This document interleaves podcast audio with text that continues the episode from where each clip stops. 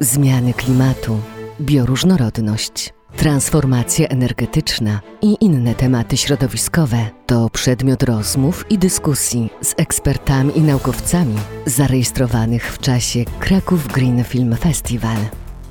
Zapraszamy. Ze mną Piotr Ziętara, prezes wodociągów miasta Krakowa. Dzień Bardzo dobry. serdecznie witam, witam. Y, akurat patrzę, mamy dobre rekwizyty, nie? Tak, tak. Woda, Przy sobie. woda, woda nas otacza tutaj wszędzie. jak jest z naszą wodą w Krakowie?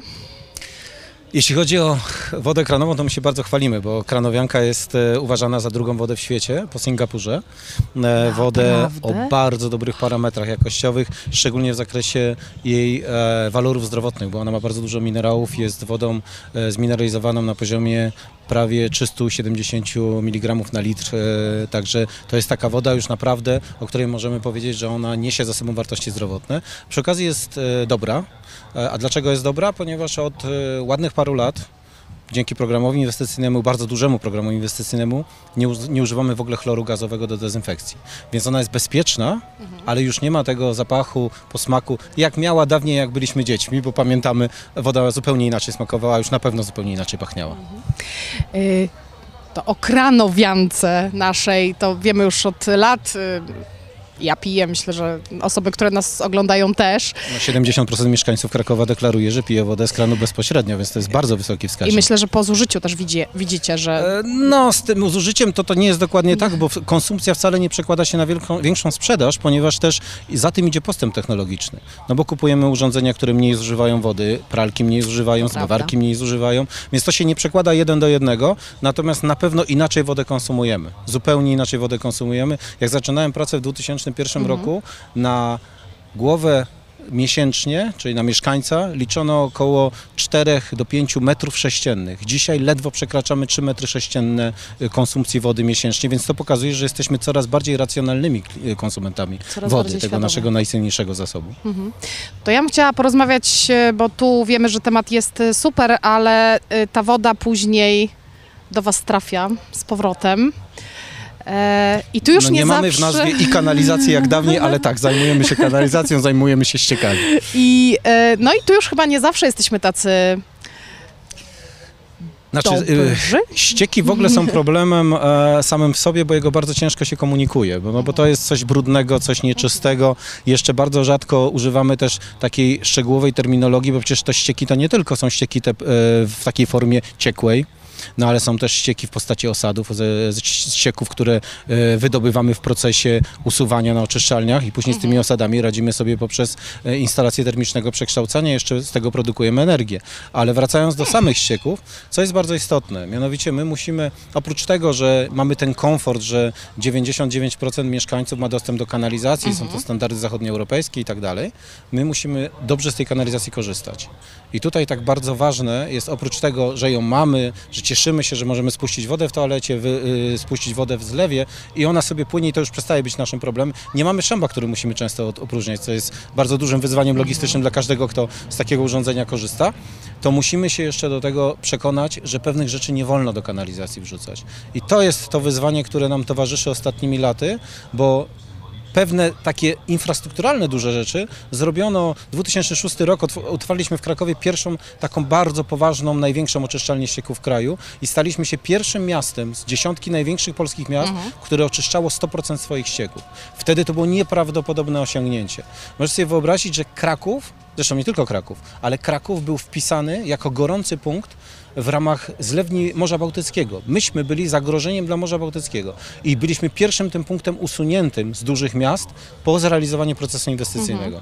No ale lata biegną. I teraz musimy się nauczyć też, że pewnych rzeczy do kanalizacji nie wolno wrzucać, musimy się nauczyć eksploatacji, e, musimy, mam tu na myśli my jako użytkownicy, nie mówię tylko o pracownikach wodociągów, prawda, ale bardzo mocno kładziemy właśnie nacisk na edukację. I ta słynna akcja, takie hasło, to się w ścieku nie mieści, które nam wszędzie towarzyszy, w dużej mierze w spółdzielniach mieszkaniowych, wspólnotach mieszkaniowych, z którymi bardzo ściśle w tym zakresie współpracujemy.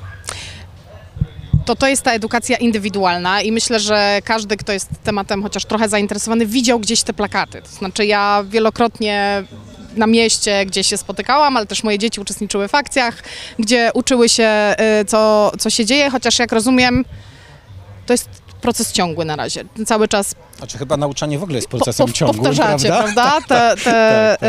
y, te informacje.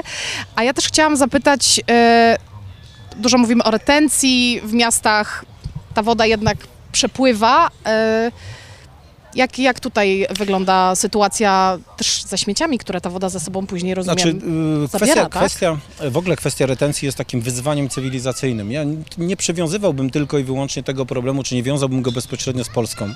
To jest problem w ogóle ogólnoeuropejski, jak nie światowy, ale koncentrujmy się na e, Unii Europejskiej, na państwach europejskich. A wyzwaniem retencji jest zatrzymanie wody słodkiej na terenie, gdzie ona spadnie i zużycie jej, później ponowne użycie. Bardzo wiele dzieje się w mieście. Oczywiście chcielibyśmy, żeby działo się jeszcze więcej. Oczywiście to są olbrzymie pieniądze potrzebne do tego, ale jest fajny program, program małej retencji, czyli my jako mieszkańcy możemy sobie zatrzymać wodę opadową na naszych działkach i podlewać sobie ogródki tą wodą, a nie wodą kranową. Nie używamy wody kranowej do mycia ulic, tylko używamy oczyszczonych ścieków, które jeszcze dodatkowo są dezynfekowane dla bezpieczeństwa i używane przez MPO. To są elementy takie proekologiczne, ale Oprócz tego bardzo wiele zależy od planowania przestrzennego. Oczywiście planowanie przestrzenne to są powierzchnie chłonne, czyli żeby nie było powierzchni spływu bezpośrednio do kanalizacji y, deszczowej i później do, do Wisły, do, jakiejś, do każdej innej rzeki na terenie Krakowa, ale dodatkowym elementem również jest to, że musimy zatrzymywać tak zjawisko, które pojawiło się kilkanaście lat temu, teraz niestety jest coraz częstsze, czyli tak zwane powodzie miejskie. Te nagłe, nawalne deszcze, które potrafią, dzisiaj ciężko sobie to jest wyobrazić, ale one potrafią doprowadzić do tego, że w ciągu kilku godzin spada miesięczna do, e, norma opadów. I z tym już ciężko sobie poradzić. D- Dwa lata temu, 5 sierpnia, ja akurat mieszkam w dzielnicy, która miała Pantarej, czyli popłynęła całkowicie. E, Problem polegał na tym, że spadło 130 litrów. Więcej niż miesięcznie w sierpniu spada w ogóle na terenie całego miasta. W, w, w ciągu jednego dnia. No co to spowodowało? Podtopienia.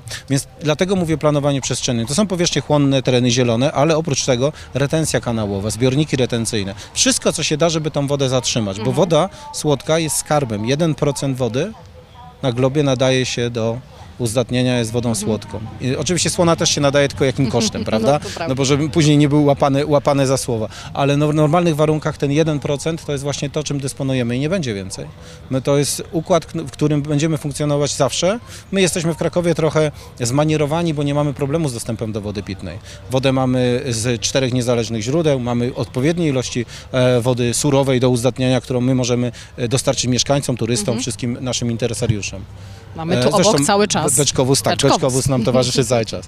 Ale są rejony już w Polsce. Jakbyśmy popatrzyli na mapie kraju, mniej więcej od Płocka kierując się w stronę zachodu, zahaczając o województwo łódzkie po Wielkopolskę, to są tereny, które mają problemy hydrologiczne. Mhm. Tam zaczyna brakować wody. My jeszcze tego nie, z naszej perspektywy nie do końca e, rozumiemy z perspektywy Krakowa, ale tam ten problem występuje. Natomiast my rozumiemy to, co się dzieje w obwarzanku krakowskim. Na przykład pojawia się upalna pogoda, podlewamy ogródki, ludzie napełniają jakieś zbiorniki.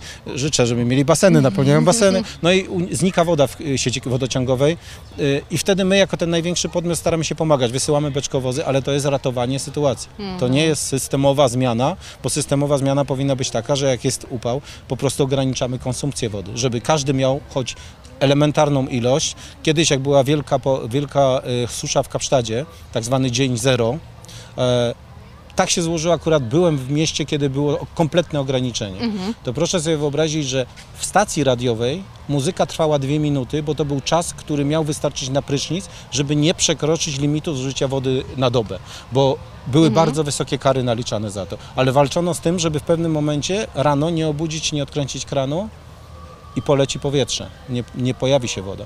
Więc nie możemy dopuścić do tego typu scenariuszy, stąd też edukacja, racjonalne zużycie. Bardzo wiele się zmieniło, jesteśmy mądrzejsi, my jako społeczeństwo.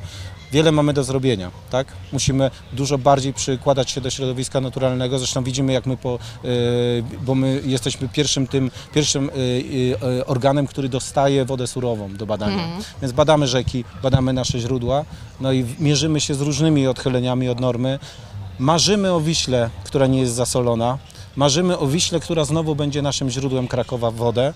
Mam nadzieję, że nam będzie to dane, żeby spotkać się, nie wiem, za 5, może 10 lat i powiedzieć, słuchajcie, wróciliśmy do Wisły, bo to będzie znaczyć, że Wisła już jest na tyle dobry, dobrym stanie, na tyle y, dobrej jakości, że po pierwsze się opłaca, a po drugie jest to produkt o wystarczających parametrach, czyli spełnia wszystkie parametry europejskie w zakresie jakości.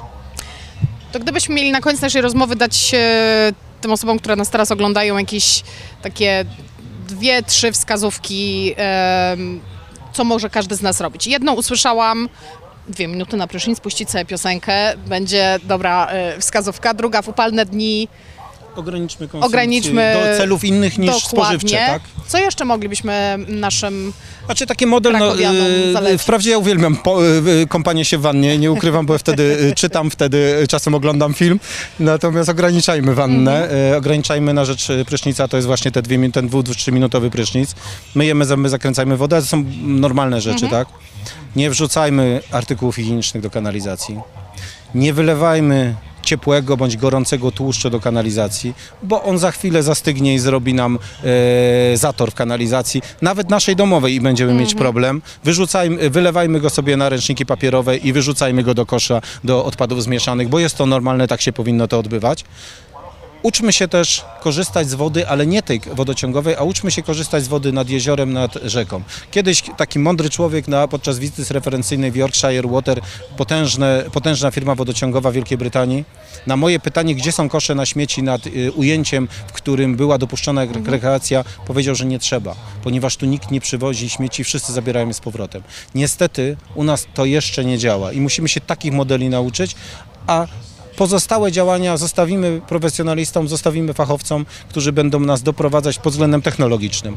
Do takiego etapu, że spotkamy się gdzieś z działaniami społecznymi poprzez działania profesjonalne, technologiczne i osiągniemy, no nie powiem neutralność, ale będziemy jeszcze bardziej racjonalnie korzystać z tych niesamowicie cennych zasobów, jakimi są wody, szeroko rozumiane, już teraz nie dzielę na wodociągi i kanalizację, mówmy tylko i wyłącznie o wodzie, bo to zawsze jest woda, czasem jest brudna, czasem jest mniej brudna, a czasem jest idealnie czysta jak woda w kranie. Czyli jednym słowem pozostaje nam sobie życzyć, żebyśmy za pięć lat zobaczyli się znowu na festiwalu. W międzyczasie również zapraszamy serdecznie i mogli popatrzeć na Wisłę i powiedzieć To już tuż, tuż, żebyśmy zaraz lepiej. ją mieli w kradach. Tak jest. super. Dzięki serdecznie za Dzięki wielkie, wszystkiego dobrego. Dziękujemy za wysłuchanie Green Festival Podcast. Więcej rozmów z ekspertami znajdziesz na portalu VOD greenfestival.pl w zakładce podcast.